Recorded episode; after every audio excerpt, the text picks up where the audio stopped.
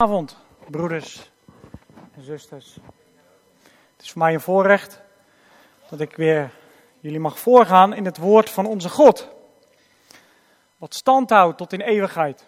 En ik wil met jullie gaan afsluiten een lange serie. Ik zou het misschien wel een volle boterham kunnen noemen, de Hebreeënbrief. Als ik het goed geteld heb, hebben we er 21 of 22 keer over nagedacht. En we zijn aangekomen in hoofdstuk 13. En ik zal proberen vanavond de Hebreeënbrief daarmee af te sluiten. En ik zei al, het is een volle boterham. We hebben ja, er doorheen moeten bijten soms. Er waren moeilijke gedeeltes. Maar ik heb ze geprobeerd wat eenvoudig te maken. En om misschien even kort nog eens na te denken van wat stond er nou van hoofdstuk 1 tot en met hoofdstuk 12. Om met elkaar hoofdstuk 13 goed te begrijpen. Hoofdstuk 13, laat ik eventjes heel kort vast wat zeggen, zijn praktische hand.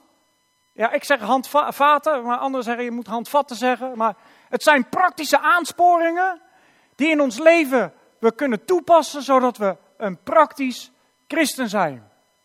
Eigenlijk was de hele Hebreeënbrief meer theoretisch of theologisch, onderbouwd vanuit het Oude Testament in het licht van het Nieuwe Testament. We hebben eigenlijk de hele tabernakeldienst vervuld zien worden. En de schijnwerpen staan nu op Christus Jezus. De hoog verheven, zittend aan de rechterhand van God de Vader. Dat is eigenlijk in heel kort de hele Hebreeënbrief. Maar wat zegt hoofdstuk 1? God heeft gesproken, hoofdstuk 1 vers 1. Vroeger door de profeten, maar in de laatste dagen door de zoon. En de zoon was hoofdstuk 1 ver boven elke engel verheven. En daarom werd hij de zoon genoemd. En de verdere hoofdstukken hebben we heel duidelijk gezien dat Jezus ver boven alles en iedereen staat. Ver boven Adam. Ver boven Aaron, de hoge priester.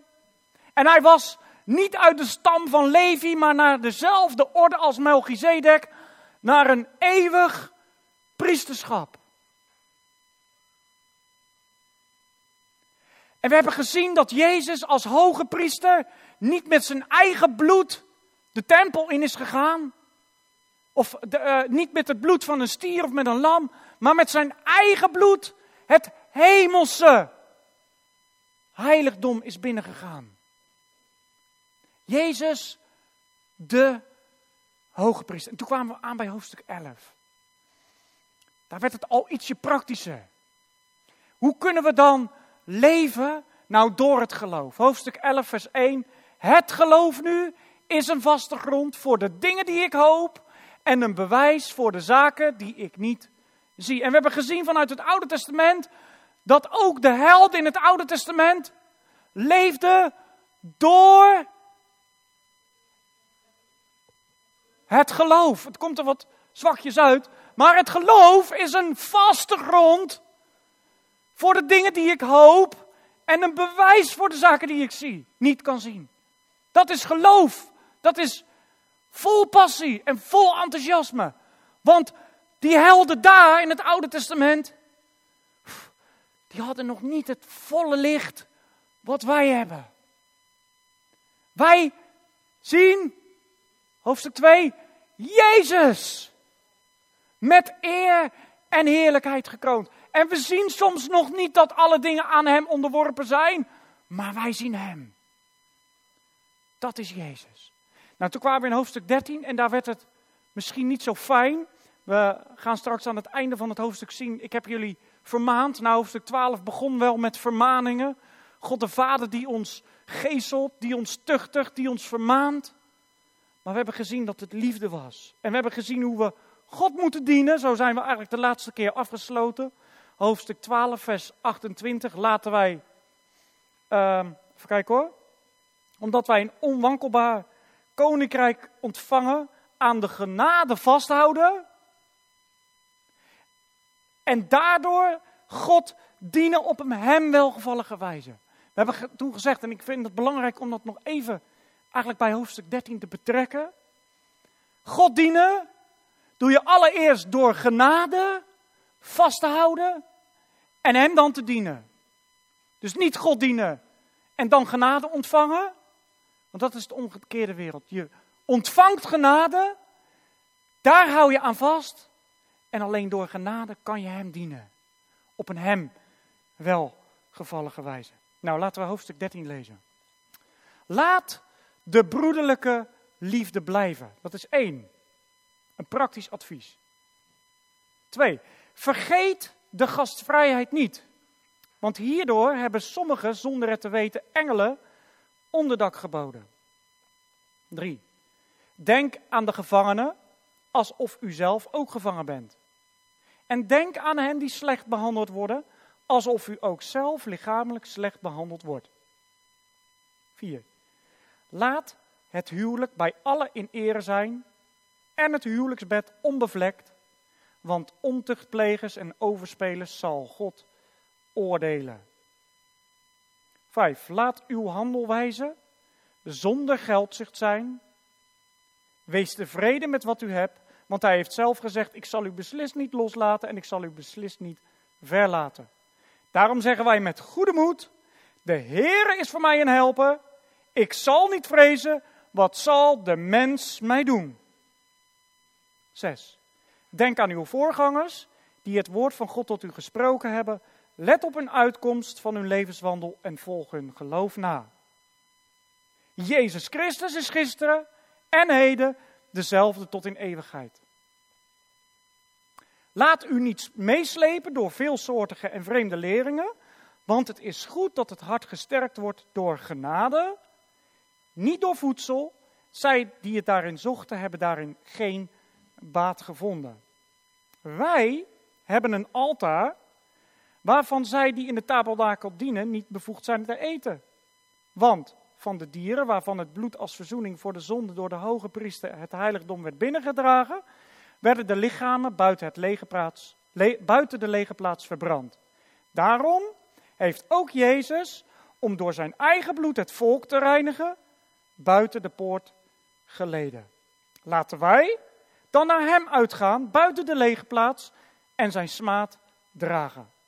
Want wij hebben hier geen blijvende stad, maar wij zoeken de toekomstige.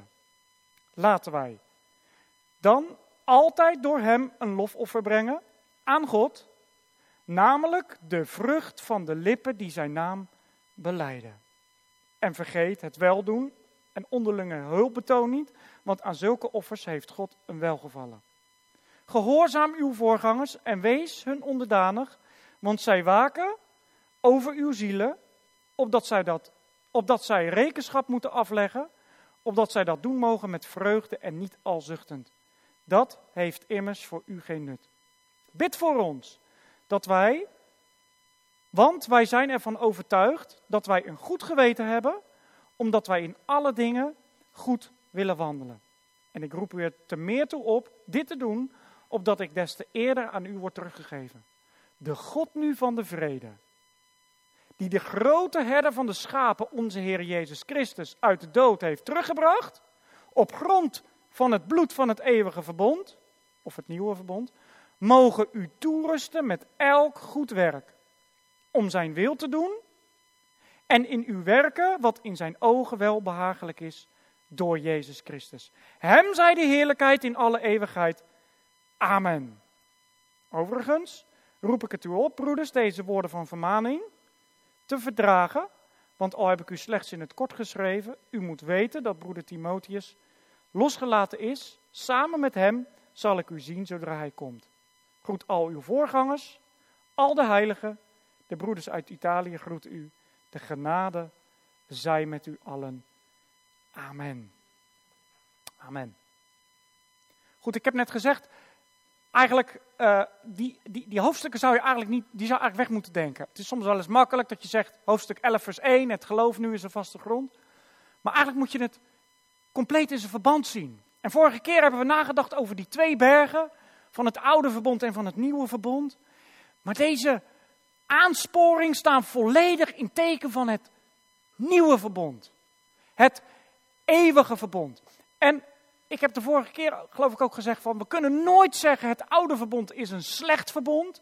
Nee, het oude verbond was een goed verbond. Maar als je kan kiezen tussen goed, beter en best, kies ik altijd voor het best. En het nieuwe verbond is het best. En het nieuwe verbond zegt, Jezus heeft alles gedaan en wij mogen ontvangen. We leven uit genade. We moeten aan de genade vasthouden. Oké, als we dus de, die, die, die, die moeilijke uh, theoretische of theologische boodschap gaan afsluiten, gaan we afsluiten met praktische dingen. Van hoe ben ik dan christen? En het zijn er wel geteld elf. In het eerste stukje, stukje van 1 tot en met vers 7 zijn het er zes en er komen er nog vijf bij. En ik kan me zomaar voorstellen dat je aan het eind van de avond, ik kan ze niet allemaal onthouden. Nou, geen probleem, wie de schoen past, trekt hem aan. Er zijn misschien dingen dat je zegt van nou, dat doe ik al lang. Of er zijn dingen dat je zegt, nou, daar kan ik nog in groeien. Neem die dan mee voor jezelf vanavond. En in je stille tijd dat je zegt, Heere God, ik wil hierin nog groeien. En hoofdstuk 13, vers 1 zegt het volgende. Laat de broederlijke liefde blijven. Als eerste wil ik zeggen, laat hem blijven. Dat betekent dat hij er al was. Voor de Hebreeërs. Hij was er al, maar laat hem in ieder geval blijven. En die broederlijke liefde, daar staat in het, in het Grieks staat daar eigenlijk filia. Philadelphia. Er zijn drie verschillende woorden in het Grieks voor liefde. Je hebt e- eros, erotische liefde, filia liefde en de agape liefde, de liefde van God, die zichzelf volledig opoffert. Maar de broederlijke liefde, de Philadelphia, laat die blijven. De liefde onderling. Zodat we één zijn en dat we elkaar lief hebben. Ik ga daar niet al te veel over zeggen, maar laat die blijven. En er zijn veel dingen in ons leven, ook in de situatie, ook nu met corona. De liefde kan zomaar geroofd worden. Omdat de een wordt wel gevaccineerd en de ander is er tegen. En de hele maatschappij en zelfs kerken staan op splijten. Laat dat niet gebeuren, maar laat de broederlijke liefde blijven. Want Jezus heeft gezegd, ik wil dat zij één zijn. Eén zijn in Hem. Oké, dat is één. Twee. Vergeet de gastvrijheid niet. Want hierdoor hebben sommigen, zonder het te weten, engelen onderdak geboden. Nou, hierbij verwijst hij weer naar het Oude Testament. Abraham die zat op een dag voor zijn tent en er kwamen drie mannen voorbij. Twee engelen en de Heer zelf in de gedaante van een mens. En hij zag niet dat het engelen waren, maar hij bood ze eten en drinken aan. Er werd zelfs een kalfvorm geslacht. Nou, dat werd dan aangeboden. En later gingen die engelen naar Sodom. En Lot ontving ook die engelen in hun huis. En we kunnen ook denken aan Simson, hè, zijn vader en moeder, Manoah en zijn vrouw. Die, die was aan het werk op het land en toen kwam er een engel en ze gaven die engel te eten. Die, e, die engel at het niet op, maar hij ging, in de rook ging, ging hij weg. En eh, nou is het niet zo dat, dat, dat de schrijver ons zegt van nou, uh, je moet maar iedereen onderdak bieden, want misschien is het wel een engel. Maar hij zegt eigenlijk, vergeet de gastvrijheid niet. Als christen moeten we een open huis hebben. Daar mogen we altijd terecht kunnen. En al is het dan misschien niet met eten en drinken, mensen moeten in ieder geval altijd bij ons terecht kunnen om hun hart te kunnen delen. Om misschien soms hun nood te kunnen uiten. Ons huis moet openstaan. En er, is een verschil. We hebben een aantal laten en dit is een vergeet niet. Het is iets praktisch, vergeet het niet. Maar denk eraan dat als je in de situatie komt en er komt iemand met nood of met zorg of soms misschien ook voor onderdak, zorg ervoor. Dat is onze taak als christen. De derde, denk. Laat, vergeet en denk. Denk aan de gevangenen alsof u zelf ook gevangen bent. Soms is dat misschien moeilijk, hè? Dat je zegt van ja, ik, ik weet persoonlijk, nu heb ik het even over mezelf, ik weet niet hoe het is om uh, gemarteld te worden. Zoals onze broeders en zusters in andere landen. Ik weet niet wat het is om in de gevangenis te zitten. Maar laten we aan hen denken alsof ook wij gevangen zitten. De grondlegger van de SDOK, de Stichting Ondergrondse Kerk, dominee Richard Wurmbrand, heeft jaren in de gevangenis gezeten. En er was dus iemand die vroeg in de gevangenis: Hoe kunt u altijd zo blij kijken? Weet je wat hij antwoordde? Hij zegt: Ik verblijd mij over degene die zich nu verblijden en zich ontfermen over mij. Hij zegt: Ik weet aan de andere kant van de wereld zit nu een christen een biefstuk te eten. En ik verblijd mij omdat hij een biefstuk eet. En ik verblijd mij omdat hij met mij meeleidt. Dat is prachtig. Je weet als christen, er wordt altijd voor mij gebeden. Want Gods geest zucht voor de heilige. In zijn heilige. Dus denk aan de gevangenen alsof u zelf gevangen bent. Alsof u ook zelf mishandeld en slecht behandeld wordt. Vier, hier komt weer een laat. Laat is wat anders als vergeten en denken. Dit is iets wat we praktisch in ons leven moeten laten. Laat het huwelijk bij allen in eer zijn. En laat het huwelijksbed onbevlekt, want ontuchtplegers en overspelers zal God oordelen. Het woord in het Grieks voor hoerarij is porneia.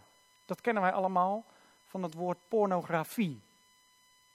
En grafie betekent, het is beeldend. Maar porneia is niet alleen het plaatje, de grafie, maar is alles wat daarbij hoort. Alles wat we dus met onze ogen visueel kunnen zien, maar met onze handen en ons hele lichaam kunnen doen. En denk nou niet van, ik ben rein daarin, want ik lig niet met een ander in bed. Nee, Jezus heeft dit punt volledig aangescherpt en hij zegt, mannen, wie een vrouw aanziet om haar te begeren, doet op dat moment overspel. De Bijbel zegt vandaag tegen ons, zegt God tegen ons, laat dat. Laat je huwelijksbed onbevlekt. En ik ga nu geen huwelijkscursus geven, ik zou dat heel graag nog eens willen doen. Maar laat het onbevlekt. Laten we rein zijn. En ik, ik wil daar nog eventjes een dingetje over zeggen. Er is een verschil tussen zien en kijken. Je kan iets met je ogen zien. En er vervolgens je blik van afwenden. En je gedachten er niet meer van afwenden. Maar je kan, zeker als man, maar vrouwen kunnen dat net zo goed, iets zien. En naar blijven staren. En er van alles bij proberen te bedenken. Maar wat zegt de Bijbel? Dat wij onze gedachten moeten onderwerpen aan Christus. 2 Korinthe 10. Dat is een wapen in de geestelijke strijd. En ik wil daarmee zeggen, zo doe ik het zelf ook praktisch. Soms zie je iets en word je geneigd om er naar te kijken of er om te over blijven na te denken. Wat wij moeten doen is onze gedachten direct krijgsgevangen nemen, onderwerpen aan Christus en Christus als koning over jouw denken uitroepen. Je gedachten te reinigen, want Jezus is rein en heilig. Dat hebben we gelezen in hoofdstuk 12, vers 29. Want onze God is een verterend vuur. Laten we Hem vrezen en dienen op een Hem welgevallige wijze. Dat betekent dus ook dat we het huwelijksbed onbevlekt laten met handel, wandel, met ogen en met de daad. Er komt nog een laat. Laat uw handelswijze zonder geldzucht zijn. En, en dit is een, een heel geniepig puntje. Ik, ik, ik hoorde van de week hoorde ik een voorbeeld. En um, dat ging eigenlijk zo. Als, als je gedoopt wordt, ga je volledig onder. En we hebben het net ook gezongen. Neem mijn leven, Heer, laat het. Neem alles, alles wat ik heb, dat geef ik u. Maar stel je nou eens voor dat je gedoopt wordt. En net voordat je gedoopt wordt, trek je je portemonnee uit je zak. En je gaat helemaal onder en je houdt net je portemonnee boven. Je zegt, oké, Heer, ik geef u alles behalve mijn geld. En eigenlijk zijn we geneigd om zo in ons leven te leven. Heer, ik geef u alles behalve mijn geld. Eigenlijk zijn we geneigd om te zeggen, mijn geld is voor mij. En daarom kunnen we het soms ook heel moeilijk vinden om soms ons geld te geven, soms als een offer aan de Heer, of soms, soms te delen aan je medemens. Omdat je denkt, het is van mij. Maar als je nou zo staat in het leven, het geld is helemaal niet van mij, maar van Hem, want ik heb het slechts van Hem gekregen, dan kan je heel anders met je geld omgaan. Zelfs als je bijna misschien bijna niks meer hebt, kan je soms je laatste geld nog uitgeven. Want weet je wat je zegt? Wat zegt de Bijbel? Wat zal een mens mij doen? En misschien zeg je, ja, maar wat heeft geld en mensen nou met elkaar te maken? Nou, wat heeft Jezus gezegd? Pak eens een munt. Welke afbeelding staat erop? Niet de afbeelding van God, maar de afbeelding van een keizer. En in onze uh, tijd staan er afbeeldingen van uh, Willem-Alexander op, of uh, weet ik veel, uit, vanuit heel Europa staan er andere afbeeldingen op. Ons geld is helemaal niet van ons. En het geeft geen meerwaarde in ons leven. En wat kan een mens mij nou doen? Want, lees goed wat er staat, vers 5, laat uw handelswijze zonder geld zich zijn, wees tevreden met wat u heeft. Want hij heeft zelf gezegd, ik zal u beslist niet loslaten en ik zal u beslist niet verlaten. Wauw. Ik weet dat er vandaag ook mensen zijn die kunnen getuigen dat ze geen cent op zak hadden. En niet op hun bankrekening.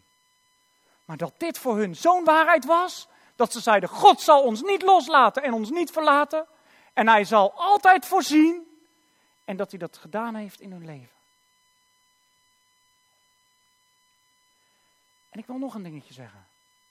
Er zitten ook in deze zaal, inclusief mezelf, ondernemers. Hoe ondernemen wij? Is de drijfveer achter je onderneming geld?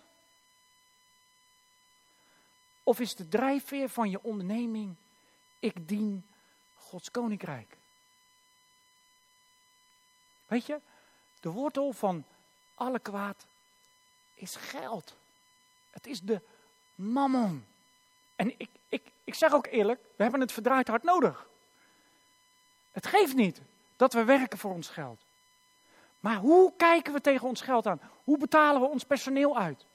Is dat om zelf zoveel mogelijk te verdienen en de ander zo min mogelijk te gunnen?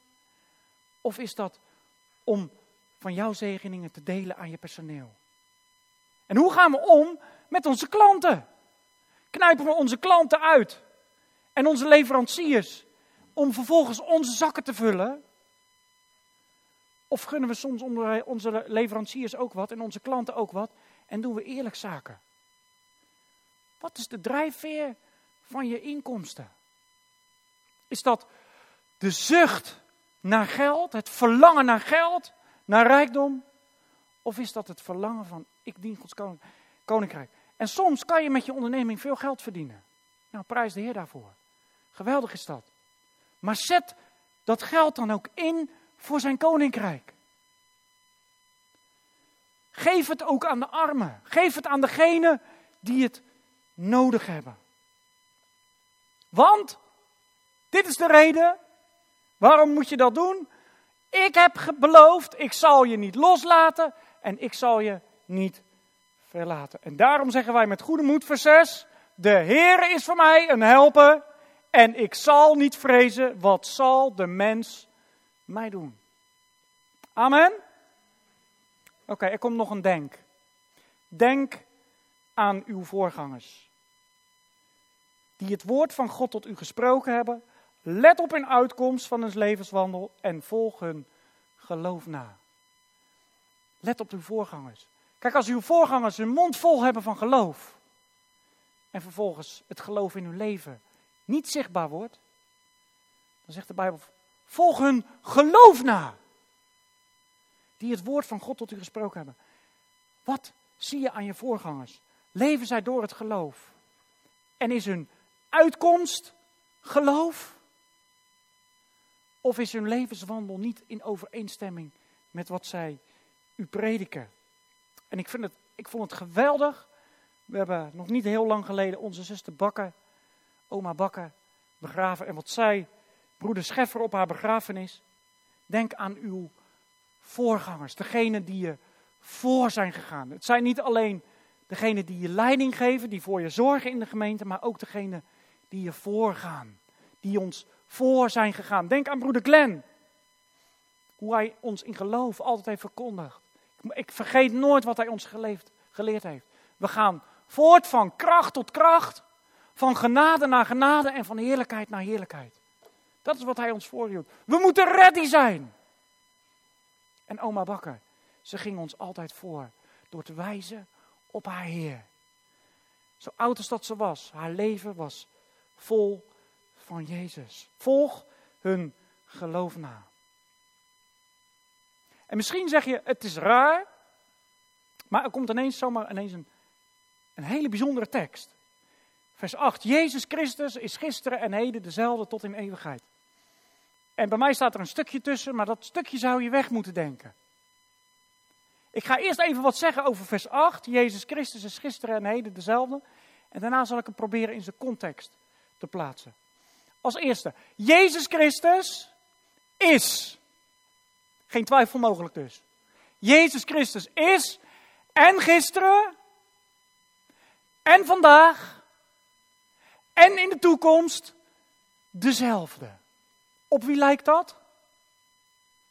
Op degene die gezegd heeft tegen Mozes: Ik ben die ik ben en ik zal zijn die ik zijn zal. Onze God. Wie durft er vandaag nog te zeggen dat Jezus geen God is? Ik zou zijn mond willen snoeren met dit vers. Jezus Christus is en gisteren en vandaag en tot in eeuwigheid dezelfde. Ik heb ooit eens een commentaar van iemand gehoord en die zei het volgende. Jezus Christus is gisteren en heden dezelfde tot in eeuwigheid. En als die iemand dezelfde is, wil niet zeggen dat hij altijd hetzelfde doet. En daarbij bedoelde hij, Jezus Christus geneest niet altijd. Hij voegde daaraan toe en hij zei, Jezus Christus hou je er toch ook niet bij als je tafel kapot is als timmerman. Toen dacht ik, oké, daar zit misschien wat in. Maar wie zegt dat Jezus tafels heeft gerepareerd? Maar misschien was hij wel een huizenbouwer. En wat heeft hij tegen de discipelen gezegd? Ik ga heen om voor jullie een plaats te bereiden. Ik kan me eerlijk gezegd geen voorstelling maken van de hemel. Maar misschien is Jezus wel fysiek bezig met huizen maken voor ons. Want dat is wat hij gezegd heeft. Ik ben voor jullie een woning aan het bereiden. Hij zal altijd hetzelfde zijn en ook hetzelfde doen. Weet je, ik, ik wil echt dat hele commentaar van wat hij doet en wat hij geweest is, echt van de tafel vegen. Hij is dezelfde en wat hij toen deed, kan hij vandaag. En wat hij vandaag deed, zal hij eeuwig doen. Omdat hij dezelfde is. Omdat hij niet verandert in doen en laten en in karakter. Jezus Christus is, is geen twijfel mogelijk. Hij is. Gisteren en heden dezelfde tot in eeuwigheid. Laten we vers 9 er eerst nog even bij pakken. Laat u niet meeslepen door veelsoortige en vreemde leringen, want het is goed dat het hart gesterkt wordt door genade en niet door voedsel. Zij die je daarin zochten, hebben daar geen baat bij gevonden. Laat u niet meeslepen. We hebben nog vijf praktische handvaten en dit is de eerste. Laat. Laat u. We hebben denken, we hebben vergeten en laten.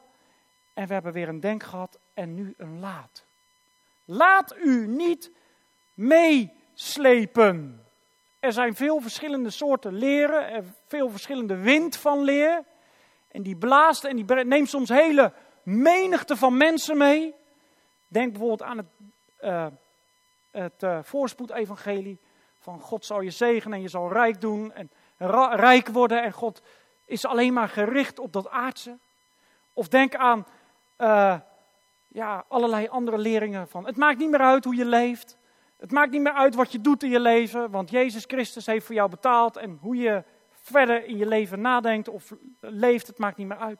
Maar laat je daardoor niet meeslepen. De hele Hebreeënbrief is erop op gericht dat wij leven door het geloof, hoofdstuk 11. Hoofdstuk 12, het begin, dat wij met elkaar de wedloop lopen. Met het oog gericht op Jezus. Daar sport hij ons toe aan. En laat u daarom niet meeslepen door allerlei leringen die je oog van Jezus afhouden of je oog op iets anders laten richten. Maar de focus moet blijven liggen op Hem. Oké, ik heb gezegd, vers 8 gaan we in de context leggen.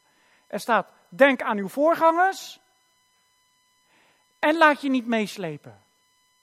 En daartussenin staat, Jezus Christus is gisteren dezelfde en tot in eeuwigheid. Als het goed is, is uw voorganger en is de leer erop gericht om Jezus te verhogen, omdat Jezus Christus en gisteren en vandaag en tot in eeuwigheid dezelfde is. Jezus alleen.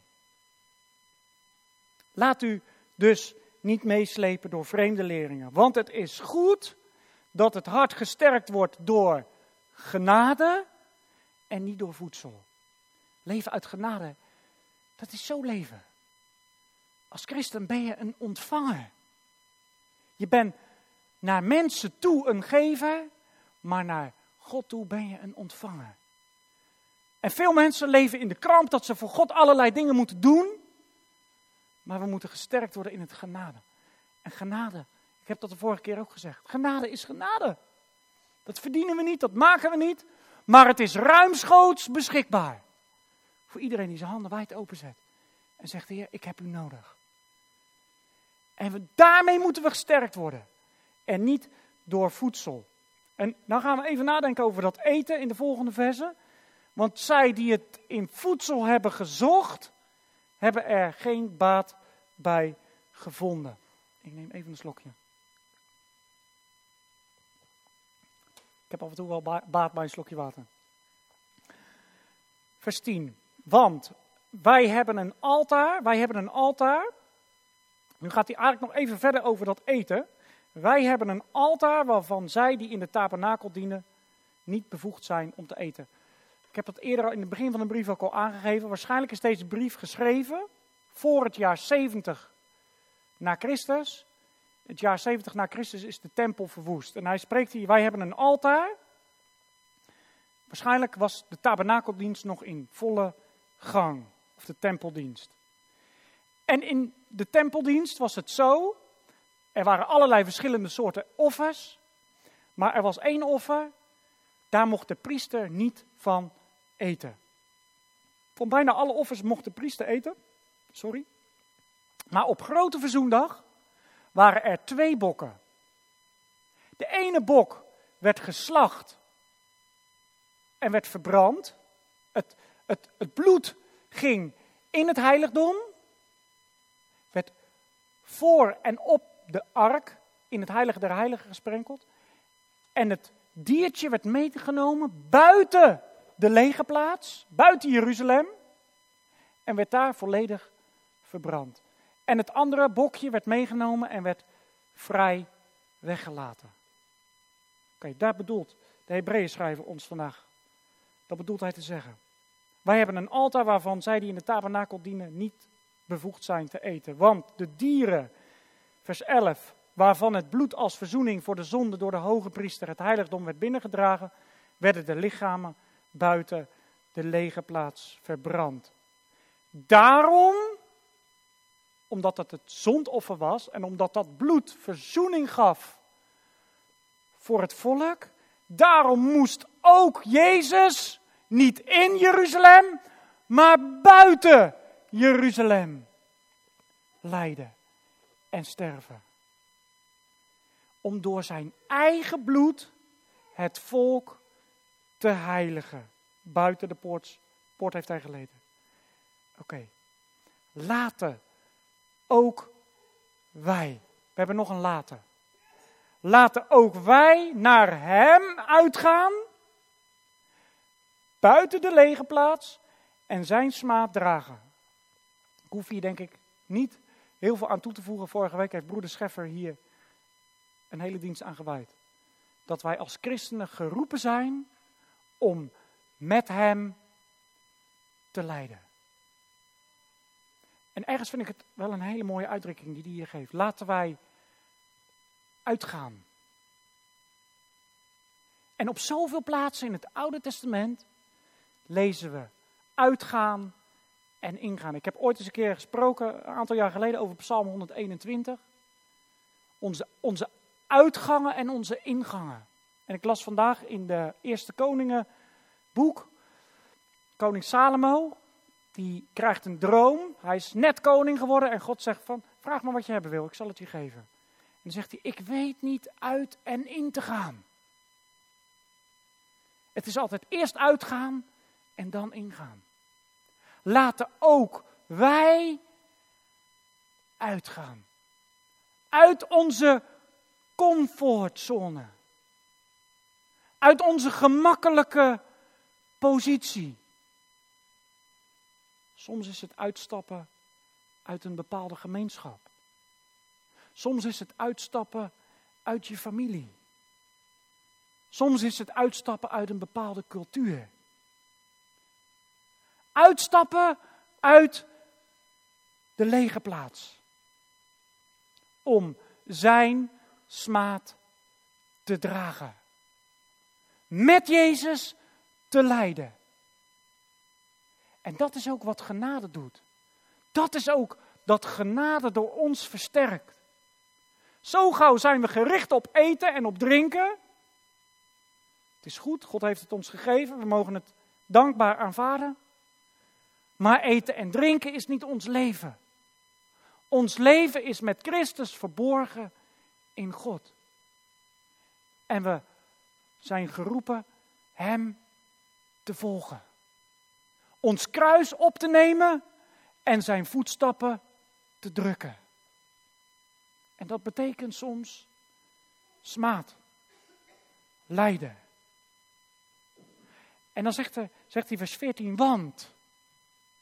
Oké, we zijn dus geroepen om te lijden, om uit onze comfortzone te stappen, met hem te lijden, want wij hebben geen blijvende stad. Hier beneden is het niet. Alles wat we hier op aarde hebben, zullen we ooit een keer los moeten laten. Is dat zo? Alles wat we op aarde hebben. Als ik zing, mijn Jezus. Hij is voor mij. Hij is voor mij en ik ben van Hem. Dat zal je nooit laten. Hij heeft gezegd, ik zal u niet loslaten en ik zal u niet verlaten. Met Hem kunnen we de eeuwigheid tegemoet gaan. Met Hem kunnen we de, de dood tegemoet gaan. Hij is met ons. Weet je, ook ik, we kunnen soms zo aardsgericht zijn. We kunnen ons soms vasthouden aan de dingen die tastbaar zijn voor ons leven. Maar daarom zegt Hebreeën 11 vers 1, het geloof nu is een vaste grond voor de dingen die ik hoop en een bewijs voor de zaken die we niet zien. Dat we leven door het geloof, de wedloop lopen en Jezus zien. Wij zien Jezus met eer en heerlijkheid gekroond. Hebreeën 2. Daar moet onze focus zijn. En dan is alles wat op aarde mooi en goed en zegenrijk en, en geweldig en fantastisch is, dat is het niet. Want wij hebben hier geen blijvende stad. Maar wij zoeken het toekomstige. Wat zoek je? Gaat je zoektocht uit naar Jezus en zijn koninkrijk? Of is je zoektocht geld, spullen, bezittingen, alles wat hier op aarde te vinden is? Het zal niet baten, net als het voedsel. Vers 15. Laten, de volgende. Laten wij dan altijd door Hem, ik hoef het niet eens zelf te presteren, laten wij altijd door Hem een lofoffer brengen aan God, namelijk de vrucht van onze lippen. En ik ben blij dat er hier geen punt staat. Het is geweldig om als gemeente met elkaar lof te offeren, met elkaar te zingen, om God te prijzen. Maar er staat iets achter. Die zijn naam beleiden. En een offer, dat kost altijd iets. Als ik in het Oude Testament een offer moest brengen, dan was ik arm, dan kocht ik een duifje. Was ik wat rijker, dan kocht ik een lammetje. En als was ik heel rijk, dan kocht ik een koe. Maar het was altijd een rip uit je lijf. En een offer, dat kost je dus altijd iets. En om zijn naam te beleiden, dat kost je jezelf. Altijd. Want voor jezelf zou je altijd je mond houden. En zou je denken, nou, barst maar. Daarom hebben we het zo nodig. Ik vond het een prachtig filmpje, Agatha, wat je stuurde op de app. Dat we die liefde van God in ons hart nodig hebben. Die agony. De liefde die God heeft voor de wereld. De liefde en de zielenstrijd die God heeft voor de mensen die verloren gaan. En ik vind het zo mooi. Wat heeft Jezus gezegd toen hij naar de hemel ging? Dat hij heeft beloofd dat wij zijn naam konden gaan beleiden. Dat we zijn getuigen zouden zijn. En ik, ik, ik, ik weet niet of dat jullie het nog weten, maar een aantal jaar geleden was broeder Leander Jans hier. En die noemde zijn preek hemelvaart belofte. Weten jullie dat nog? En een van die beloftes was, jullie zullen mijn getuigen zijn. Het is een belofte. En ondanks dat het zijn belofte is, is het ons offer om voor Hem te getuigen. De vrucht van onze lippen. Laten wij door Hem een lofoffer brengen, door van Zijn naam te getuigen. Hij is het waard. Kijk wat Hij voor u gedaan heeft. Hij gaf zijn leven voor u. Hij deed alles voor u. Daar past maar één antwoord op. Dat wij alles doen voor Hem. Vers 16. En vergeet het weldoen en het onderlinge hulpbetoon niet, want aan zulke offers heeft God een welgevallen. Weet je, zeker als gemeente, het is zo belangrijk dat we oog, oor en handen voor elkaar hebben. We zijn begonnen met de broederlijke liefde, maar de broederlijke liefde uit zich niet van, nou, uh, zus, ik bid voor je hoor, fijn. Maar dat betekent soms ook dat we een hand bieden. Dat we soms, als je ziet dat iemand het moeilijk heeft, zegt van, ik ga je helpen. Niet van, kan ik je helpen, maar ik ga je helpen. Omdat de Heilige Geest soms iets in je legt. Of je kookt een maaltijd, of je haalt de kinderen op, of je doet iets. Je zorgt ergens voor. Dat is het onderlinge hulpbetoon. Het praktische doen voor elkaar. En dat kost je iets. Dat is een offer, zegt deze tekst. En aan zulke offers heeft God een welgevallen. Dat vindt God fijn, daar wordt God blij van. Klinkt misschien een beetje raar, maar het is voor God fijn als we elkaar helpen. Oké, nog één ding. Ik vind het een beetje lastig dat ik hier zelf over sta te praten, maar ik zeg het toch. Ik heb deze hele brief behandeld, dus ik ga vers 17 niet overslaan. Gehoorzaam uw voorgangers en wees hun onderdanig.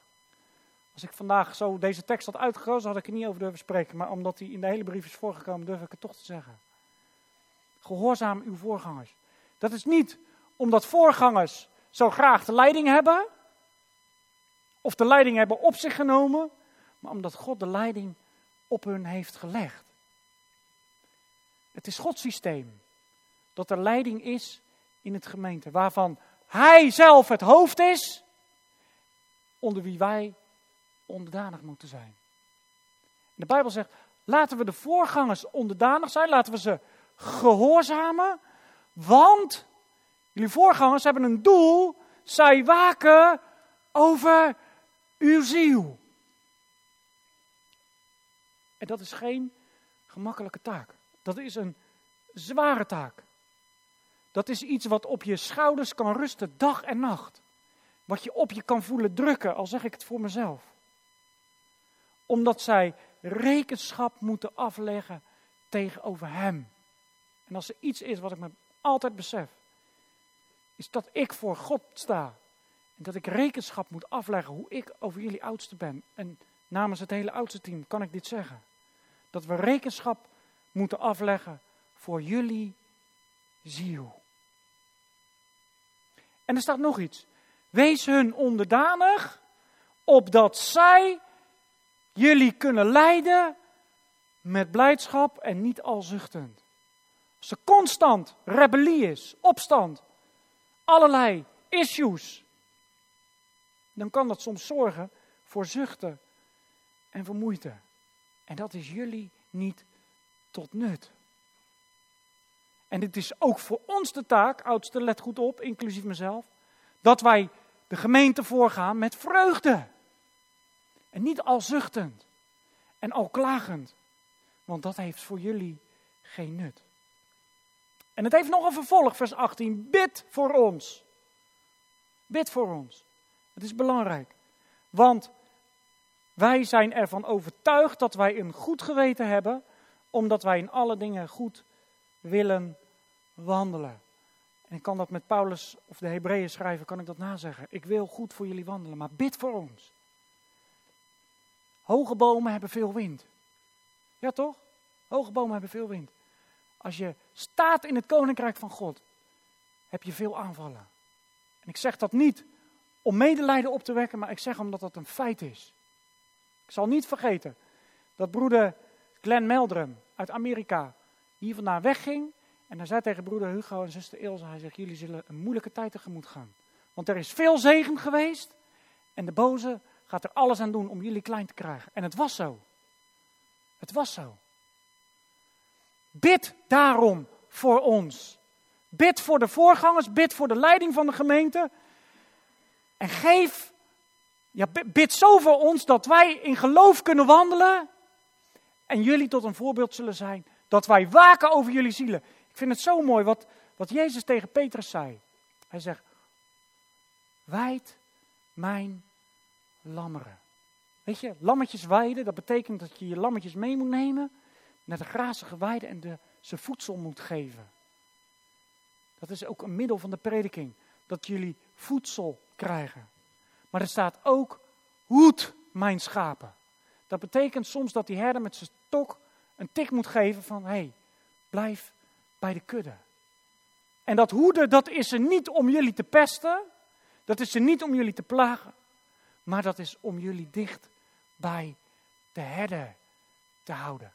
En een prachtig voorbeeld van Koos de Jong, die, die ik ooit gehoord heb. Ik wil hem toch met jullie meegeven, omdat we het straks toch nog even over de herder gaan hebben in de volgende verse. Koos de Jong die kwam tot geloof en die zei, ik vond het geweldig om dicht bij de herder te blijven. Dicht bij de Heer Jezus. Maar toen ik wat meer christen werd, ging ik wat verder aan de rand, oh, letterlijk en figuurlijk, aan de rand van de kudde lopen.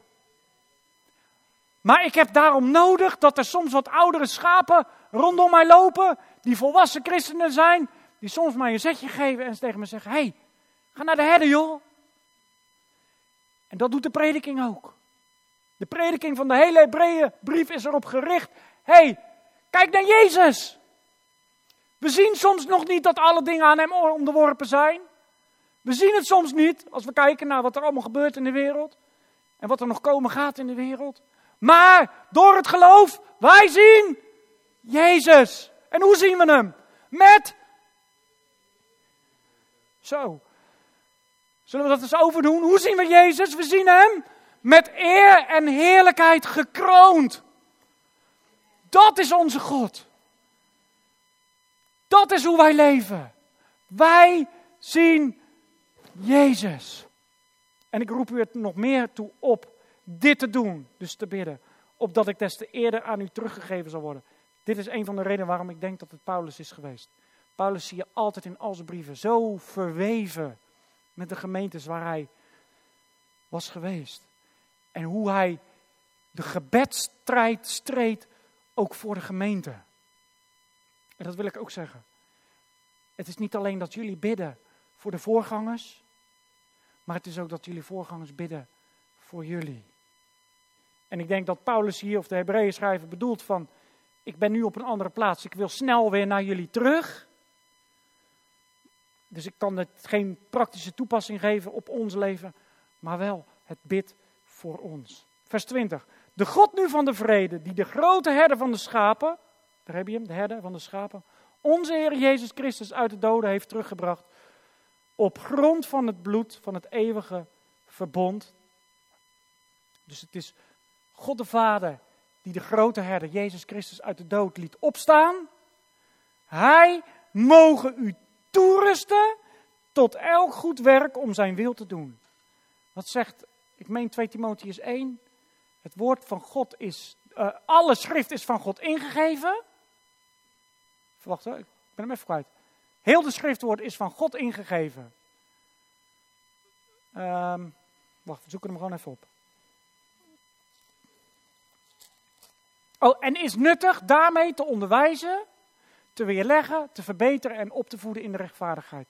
Opdat de mens die God toebehoort, volmaakt zou zijn tot elk goed werk, volkomen toegerust. Weet je, ik, ik wijs jullie zo vaak op de Bijbel.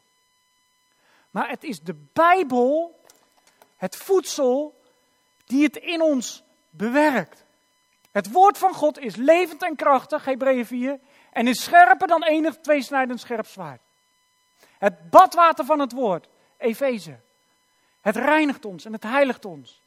Het is tegelijkertijd het zwaard in onze hand. Het is hetgeen wat ons denken vernieuwt. En het is het woord wat ons toerust tot elk goed werk, zodat wij, die God toebehoren, volmaakt zullen zijn tot elk goed werk voorkomen toerust. Hij, God zelf, mogen u toerusten tot elk goed werk om zijn wil te doen. En we hebben vanavond praktische handvaten gekregen. We hebben deze hele Hebreeënbrief kunnen we praktisch afsluiten. En er zijn misschien dingen dat je zegt, nou die ben ik vergeten. En er zijn misschien dingen die je zegt van, die neem ik mee. Vraag daarom dat hij jou toerust, zodat je zijn wil kan doen